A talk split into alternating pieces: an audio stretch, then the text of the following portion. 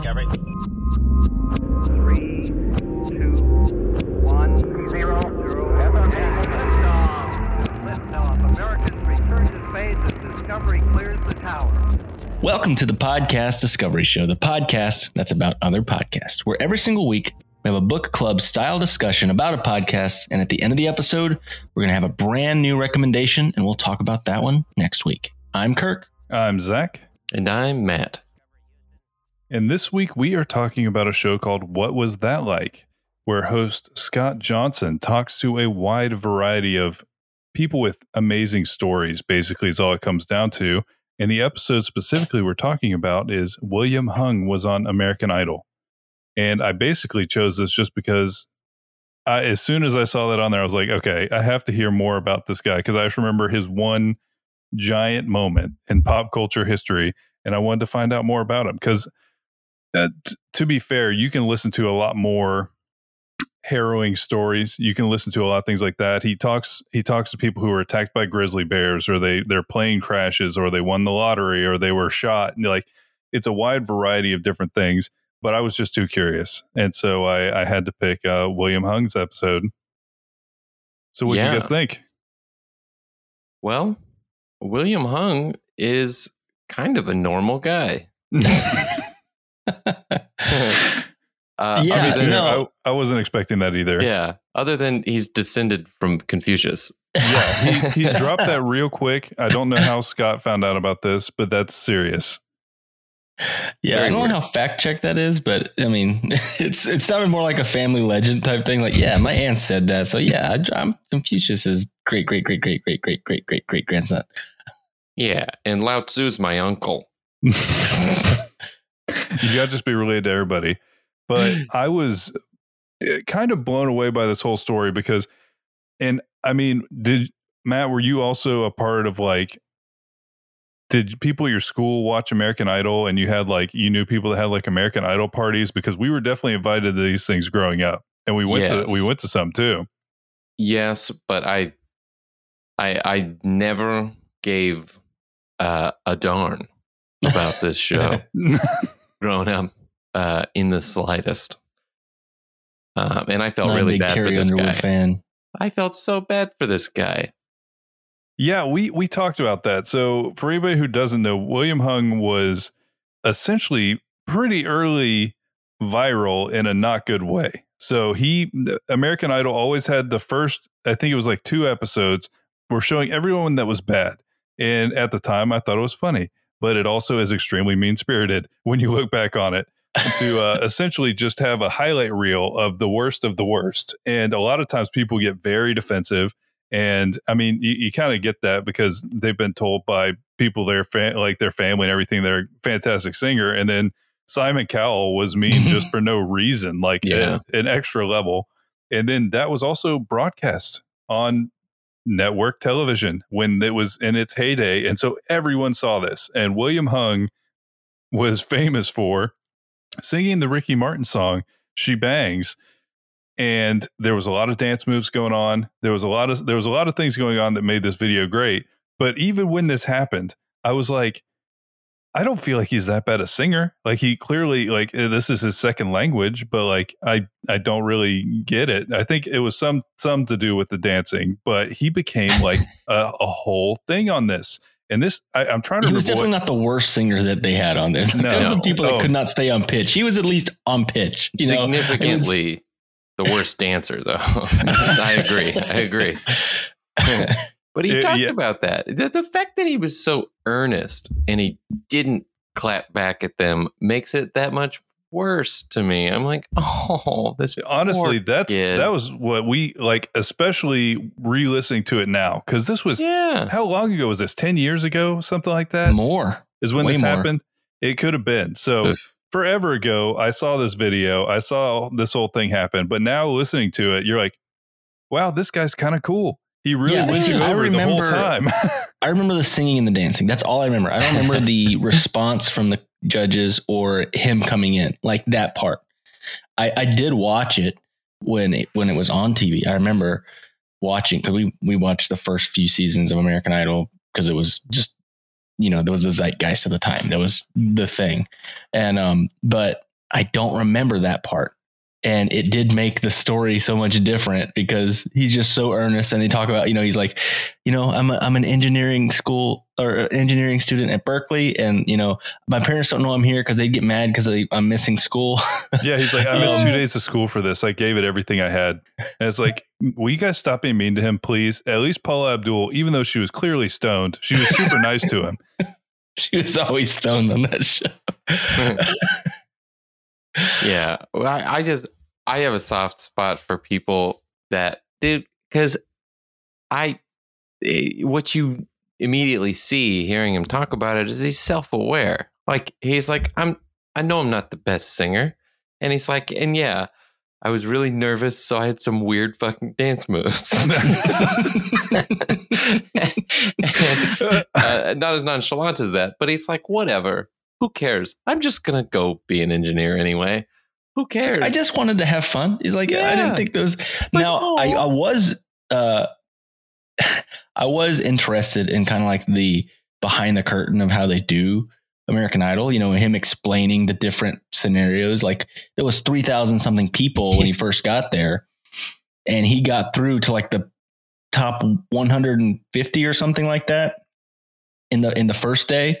And it was Mhm. because, and, and that was what was happening. They were they were narrowing They down. were okay, selecting some people to be funny. Here's the best ones that sing really good. Here's the ones that are going to be really entertaining and horrible that everyone's going to love to watch fail. Um, and that's uh, it's, it's It's so horrible, mean. but it's also it- it's interesting to see how the process worked, and, and that that is something that he he was self aware. I, I believe in certain points. I don't know if he was self aware on that part because there are times Yeah. like I was so excited. I got through. I did not think I was going to get through. And, you know, eh, I don't know. Yeah. he's he was so likable. Like there was nothing about him that wasn't likable. Even now, like I was wondering how I was wondering if he had gone through the machine and the machine pooped him out. Like, cause you know, he had his album and all that other stuff later on. We'll talk about it. But I was worried that when we listened to this, it was going to be like, yeah, the industry just destroyed me. yeah, he's like a he's like bitter about the whole experience, but Yeah, that is but no. absolutely not how he was. I He think that was- was maybe my favorite thing was that he's like, hey, you know, I'm, I'm jumping ahead right now, but he talks about like, he knew that his fame was only going to last so long. He's like, hey, I was making some good money for a little bit. I knew it wasn't going to last forever, but I capitalized on it while I could. and he did. That's all I wish. That's all I wish for these people who get made fun of and everything is like them to go like, yeah, they made fun of me, but like I made a lot of money. That's what I hope. Who's That's what I laughing hope for all of now? Yeah, Yeah, and honestly, that is totally the kind of the vibe you get from him. He he really looks back on like the this time, even though people were mean to him. People were mean to Oh, him. yeah. Like that was the whole thing. The judges on the show were mean to him. And so like for him to be able to just kind of come through this and be I think Simon said it was laughing. grotesque. Yeah, he said grotesque, literally. it's like, man, that is you could say that less dickishly. There has to be a way. But there was something funny. He's like, and you know Simon, he always has to say something mean. I love that. And I 'Cause- mean, he was not wrong.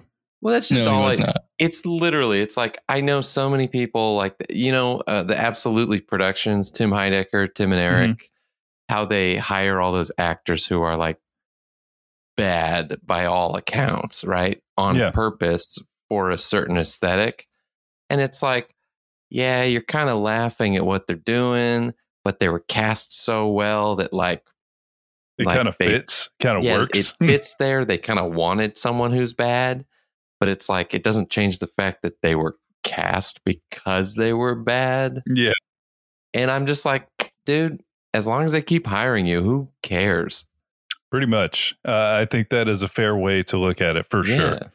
But yeah, I throughout this episode, my mind was constantly blown by the career trajectory of Right. William Hung. Because okay, he started out civil engineering student at UC Berkeley. Uh, he is an immigrant from Hong Kong. He moved here when he was ten, and so he was in school when this whole thing happened. And he ended up doing just this wide range of stuff. But after all of this, because he got famous, he was offered a a record deal. It was it was twenty five thousand dollars. It wasn't. They weren't. I they, love that record. Twenty five thousand dollar record deal. Uh, Yeah, it just sounds so funny. for somebody who was just a student. If they're like, "Hey, do you want to go play some tour stops and like have a record and all this stuff?" And he's like, "Yeah." And I haven't listened to this record. I kind of want to now. He mentions that hmm. throughout he drops inspirational quotes in between Yeah, between the tracks. in between songs. So really play like paying a tribute to his ancestor Confucius. He's thrown out just little drops of wisdom for you throughout this while and then he will then perform She Bangs by Ricky Martin. And I'm assuming that it's She Bangs every song and just a different like inspirational quote in between the songs. I'm gonna look up the the album while we while we keep talking. Yeah, I also really love that he actually really enjoys that song. Oh, you know, I don't think it was like corny for him at all. He's like, no, this is a good song. This is He's a, like, she bangs. That's a banger. Like, that's good. yeah. And he Oh. fully committed. Yeah. That's I'll say that for William Hung. This man fully commits, and that is a great personality trait. Oh, well, eh, because he went on some, he was like on some big kick, like pretty significantly, uh, a, like a good amount of time after his appearance. he I remember four seeing- albums.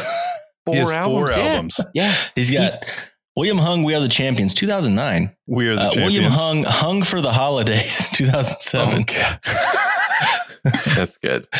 Miracles, Happy Summer Fun from William Hung, uh, 2005, and the first one, Inspiration from William Hung in 2004. So that's when it was, 2004. So this was two years before he graduated Wow. when he came out with his album. That is crazy. It is crazy. Well, and that's just because 2009, dude. I remember there was like a William Hung resurgence where like people were trying to sell William Hung again, and it's like you know him from being So let me- not great. Let Like, me read some of the, the songs that he covered. He, he did She Bangs.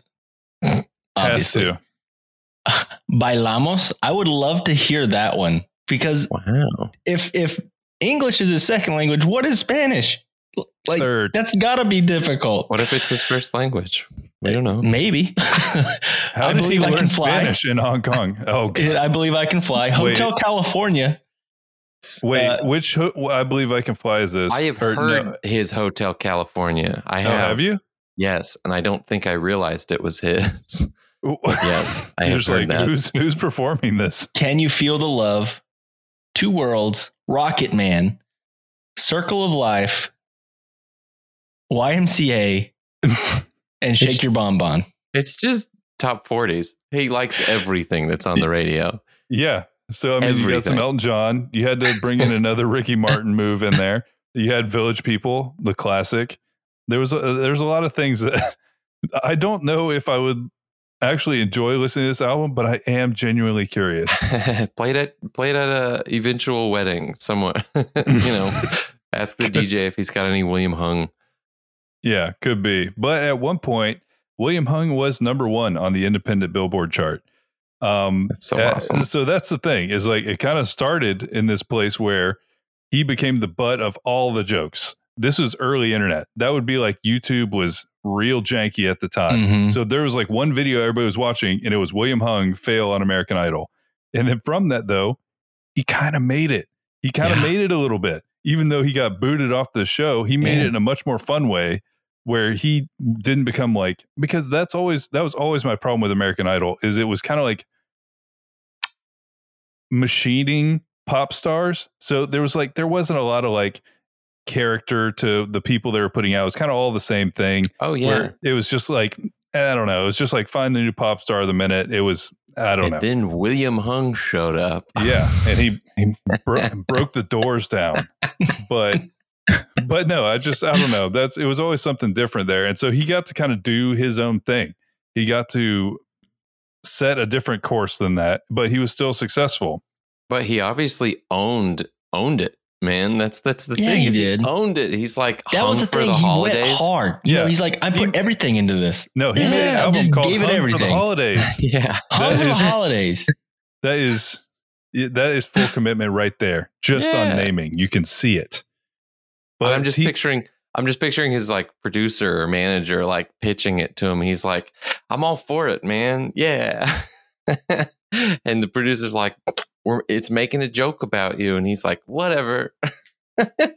Fine. Sounds good. I'll sell several copies. yeah. But so he said that he kind of toured for four-ish years. Pretty solid. Um, he got to do what he played. He played the Rose Bowl. He sang Mhm. in the Rose Bowl or something for like sixty thousand people. That's pretty insane. Yeah, That's pretty on, amazing. He was on Jimmy Kimmel and he was on Letterman or no, it Jay Leno. And like he he did a bunch of these appearances where he kind of got to do the whole he made it thing. You know, you do the circuit, you go on the press, you go on tour, you make albums, you do the whole thing. But he also knew that it wasn't going to last forever. And this is where his career started getting like insane to me. and Because that's after, where this this podcast to me was cool because I'm learning things about the guy that I didn't know anything about now. Yeah, no, it was cool and to it was learn very more. entertaining. about like American Idol, but then he the Scott Johnson really is a great interviewer because he asked questions that were interesting and he drove the conversation at a different place than you thought it was going to be. So eh, after this, after he he started getting less and less tours, after like four years of doing this, he went back to school and he I guess finished and then he started working for the LA Sheriff's Department and statistical analysis.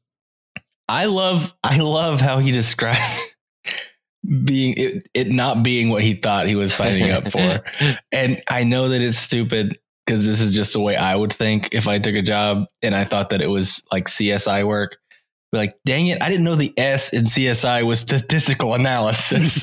you know, this is ridiculous. This is so boring. I'm sitting at a desk doing crunching crime numbers No, and because he is thought he was going to be like doing crime scene investigation. Yeah, and this is That's, another time uh, where you kind of see his personality a little bit because he's like, I did not like this job because every day I was hearing about bad things happening. I was like accumulating rape statistics and I hated it. And so he- he's kind of just like he couldn't even be in that like negative space. So he's like, no, I gotta Yeah. go. And so he's he like, there's no going. silver lining there. Yeah. yeah, he's like, this is all bad. I'm having a bad time. My brain feels terrible after work. But he did end up switching over to uh he he worked for the public health department Mhm. as well. Um but like LA throughout all County or something, right? yeah. But then throughout all this, he was developing a couple more skills that would end up being professions later on. So he was apparently working on public speaking through Toastmasters. And he was I want also look into that. I've heard a lot about him, and I've seen you know things, but I've I don't know a lot about what the organization's about. I know it's like to train you to be able Oh. to do public speaking, Well, but I feel like it's a lot deeper than just that. the uh, restaurant that I worked with hosted a chapter, Mhm. and they would come in every Thursday or Tuesday. They were the worst. The absolute they were the worst. they were terrible. They didn't buy anything and all this all this other stuff. It was like the space whatever. But basically, yeah, they come in and they develop not just their speech giving like presenting abilities, but they also are honing in a speech, like one speech that then like you work on all of that with one speech that you just keep editing and like working through and you Hmm. just keep doing that same one every time and then it'll be like okay let's do new speeches now so you're like you're creating a backlog of speeches that you can give at different events and whatnot like if you had like if you had a wedding coming up you could be practicing your best man speech at the thing Hmm. and literally be practicing for that specific That's so speech, interesting that you can pick like some specific event. No, I. I feel like if I did Toastmasters, I would have to pick a really stupid event and I'd have Yeah. to practice for the dumbest speech of all Mhm. time. I had to give a best man speech once, and uh, I remember the bride, the the maid of honor went first, and she had like a five page thing. I was like, I ain't write nothing down. I was like, this sucks. and uh, I'm like, I'm sorry, guys, I didn't prepare near as much as she did, but um, yeah, How I did don't it think it was a really good speech. I should have done Toastmasters. that's the answer. I should have done Toastmasters. but it's just so weird because it's like about public speaking you'd think it would be about like in general, you know. yeah and not like Not so how specific. Yeah, I didn't write that- a that you were- speech Yeah, which is Hmm. weird it's interesting. I wonder if it people kind like of takes I wonder if it takes a little pressure off your brain, though. You know, you don't have to develop a new speech every week or every month, whatever. You know, you can kind of really work on the presenting of it. Well, and you're getting critiques from people that are also trying to work on theirs. So there's probably some yeah, some very constructive criticism where it's criticism because everyone wants that, but in a constructive way because everyone also wants has to give a speech, so they don't want you to roast them. I like to imagine it's more like that scene from Blues Brothers where they just throw bottles at them the whole time while they're playing Rod. but yeah, so he he was working on public speaking kind of throughout this. It sounds like, and then there was another thing that he was doing throughout this, and that was playing poker. He apparently thought this was a great use of his free time. He liked playing poker, and both of these ended up being part of his career. He is now a keynote speaker and uh, uh, like also And a like speaking coach. Yeah, a public speaking coach, like a trainer. And he said that he's won a bunch of awards for his ability to evaluate speeches and to critique people in a constructive way. And then he also has done several professional poker tournaments. And it's just like, wait, are we are we talking about the same Mhm. guy? But all, like honestly, if your entire reference up to this point, like mine was, was this one video, this Mhm. guy is awesome. This No, whole this whole thing is like, okay, this guy is pretty badass. The whole Here's time. what came across to me about him, not only in his performance and stuff, which I think it came across very strong there, but also through his trajectory and and his the way he talked. is He's just got this childlike whimsy. You're just like, I want to make a difference and I want to do something that people like, and I also want to do something I like. And he just that's what he does. And I think that's so cool. And like, I don't know. I think it's hilarious. And, and he made he, he wrote a book, he authored a book, Championed by Choice. Uh, they talk and, and I will say I very much respected the fact that he knew people made fun of him. He knew people would were, you know, using he was the butt of jokes, but he never let that bring him down. And that's what Scott Johnson was talking about is like most people that bothers and it makes them, you know, not want to put themselves out there. You use it kind of as a stepping stone to put yourself out there a little bit further somehow. And he's like, yeah, I mean, I just assume people are going to make fun of me and not agree with me, but you know, I just try to figure out what I can take that negative feedback and turn it into something positive. Yeah. And that's what he did. It's just such a great like life lesson. There's something deep there somewhere. you you nailed it when you said like childlike whimsy. That's like exactly what it is. The idea that everything's fine and it's like everything will be fine. Yeah, I just switched careers to be a poker champion. I mean, it is true because, like, think about it. Like, I, I, right now, my daughter is she's twelve.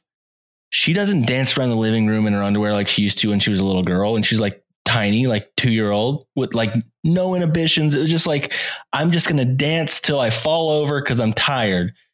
But now you grow up and you feel rejection and, and people actually laughing and at her you. bones are and it's- cracking and just- creaking. Hmm. Hmm. Not that far up. That's where that's where we're getting, where your bones are making noises. But like the older you get, the harder it is to hold on to that like not caring about what other people think Mm-hmm. mentality. And he's somehow found this way to do that. And that's amazing. And I respect that a lot. Yeah. Well, and what's cool is it doesn't sound like that moment made him have to do that. He already did that, you know? He wasn't like, wow, everybody's making fun of me. I should learn not to care. I need to process somehow. Yeah. He's just like, I'm the coolest dude in the freaking world. And I don't care what they say. And I don't know. I mean, I could be wrong. I, I there's there may be something to you know him being an immigrant coming from another country and this being his second language, and he just had to live with that. Like learning if you go to public school and you have an accent that's pretty strong and you look different, kids are brutal. So Yeah. maybe he just you know learned at a young age to you know just roll with it. Hey, lead into it. Heck, I used to do that at school. I mean, I knew I was the butt of jokes, but I would always make the joke about myself first because it doesn't matter, you know. Are if you I'm the one crying? making the joke, Are you I'm just crying right it's just a little bit. I'm just kidding. But yeah, no, it's I don't know. I I had heard about this show on just I read something where what shows are you binging? And this was one that came up. I had no idea. He's from right in our area. He's from Safety Harbor, Florida. We're we're from Tampa, and so that's a cool thing. And we we've done a lot of shows like this where you you dig into just people and their stories, and you kind of get like just this richness of how different everyone is. And Scott Johnson brings William Hung on this show, and by Mhm. the end, you're like, this is a pretty admirable guy. There are really cool things about William Hung that I I do admire. And so it's that I think is a, a sign of a great interview and a great interviewer. And so I, I really enjoyed it. I'm glad you guys did too. Yeah. Yeah, I Let's- think I want to be William Hung's friend now. I want to be his friend, and we need to have him on the show. I would love to have him on the show. I'm hung for hung. I don't know what that means. I don't know I feel either. you know what it means. I don't know what I just signed up for. but, but yeah, fantastic show. Uh, take a look. He he always has great titles that are very easy to tell what it's generally going to be about. So go check out some of some more of what was that like, and see if there's something that interests you. But it was a really cool one. So that brings us to this week's recommendation. And I've listened to this show on and off for a while now. It's on the Maximum Fun Network. So when I listen to MBMBaM, I'm always hearing ads for it and stuff. And it's Judge John Hodgman. And it's it's a really great show because what he does is he will mediate ridiculous arguments. And he will things that there's usually not a real answer, but he's a judge, so he will give you a definitive answer, and you are supposed to follow the judge's orders, um, and it's great. Um, but the episode that we listened to just recently that we enjoyed a lot was it was kind of a, a special where they kind of go through a bunch of different um, cases at once, like what they call like docket clearing. You know, Yeah. they they did like four or five cases in this episode, but they had um, special guest LeVar Burton, which by the way, best voice ever. LeVar Burton can read me to sleep any Oh. night of the week. That dude's amazing. Um, but the episode I recommend is Tough Talk with LeVar Burton, and that is Judge John Hodgman, and the episode is Tough Talk with LeVar Burton. And remember, There's always more to discover.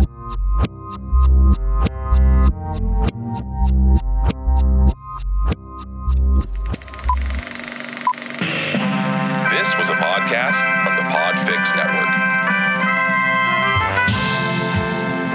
You can check out more shows like it at podfixnetwork.com.